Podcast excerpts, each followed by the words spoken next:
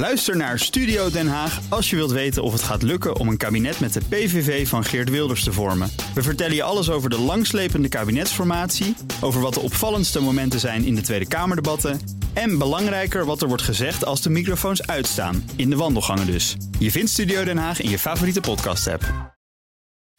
De column van Jaap Jansen. Politiek is vaak een kwestie van framing.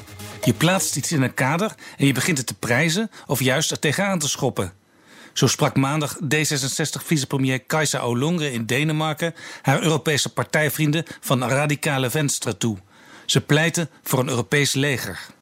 Een binnenhofruil was geboren, want VVD-premier Mark Rutte en CDA-minister van Defensie Ank Bijleveld hadden al gezegd dat ze, anders dan de Franse president Macron en de Duitse bondskanselier Merkel, tegen zo'n Europees leger zijn. Het kabinet spreekt met één mond en ik ben die mond, zei Bijleveld. Het is de vraag of Macron en Merkel met hun pleidooien voor een Europees leger hetzelfde bedoelen. Wie zich verdiept in beide opvattingen stuit al gauw op grote verschillen. Wel zijn ze het eens dat EU-landen meer moeten doen aan defensie. Ze zien de wereld onveiliger worden. Terrorisme-dreiging, de inmenging van Rusland in Oekraïne en zijn bemoeienis in Syrië en op termijn gevaarlijker de opmars van China. Bovendien kan Europa niet meer van Amerika op aan, de financiële en militaire kracht achter de NAVO. Allemaal verstandige observaties van Macron en Merkel. De landen van Europa geven gezamenlijk meer uit aan defensie dan China en Rusland bij elkaar. De Europese output is veel en veel kleiner, omdat elk land zijn eigen landmacht, luchtmacht en marine en bijbehorende bureaucratieën heeft. Een euro voor defensie is veel minder waard dan een dollar, een roebel of een Chinese munt. Inniger samenwerken is dus logisch. Het gebeurt ook al. Zo is er een geïntegreerd Duits-Nederlands legerkorps, onze marine werkt met België samen en het Benelux-luchtruim wordt gezamenlijk bewaakt.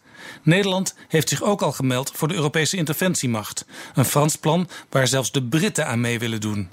Ook de NAVO is blij met Europese samenwerking. NAVO-officials wonen tegenwoordig EU-bijeenkomsten bij en andersom. Zo versterkt het ene bondsgenootschap het andere.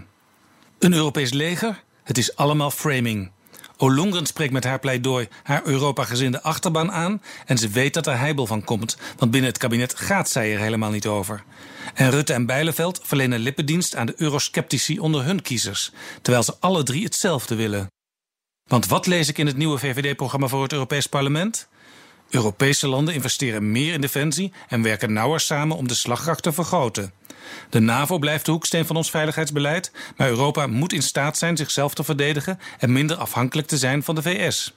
In het CDA-programma staat een nog uitgebreider pleidooi. D66 herhaalt in het programma dat volgende week verschijnt ongetwijfeld de woorden van Olongren. Maar ook D66 zal geen afscheid willen nemen van de NAVO. De regeringspartijen willen alle drie forse stappen vooruit met Europese defensie. Maar electoraal is het handig als hun achterbannen denken dat ze het oneens zijn. Ook Diana Matroos vind je in de BNR-app. Ja, inderdaad. Je kunt live naar mij luisteren tijdens de Big Five. Ook handig in de BNR-app. Breaking nieuwsmeldingen, maar ook het allerlaatste zakelijke nieuws. En je vindt in de app alle BNR-podcasts, waaronder Wetenschap Vandaag. Download nu de gratis BNR-app en blijf scherp.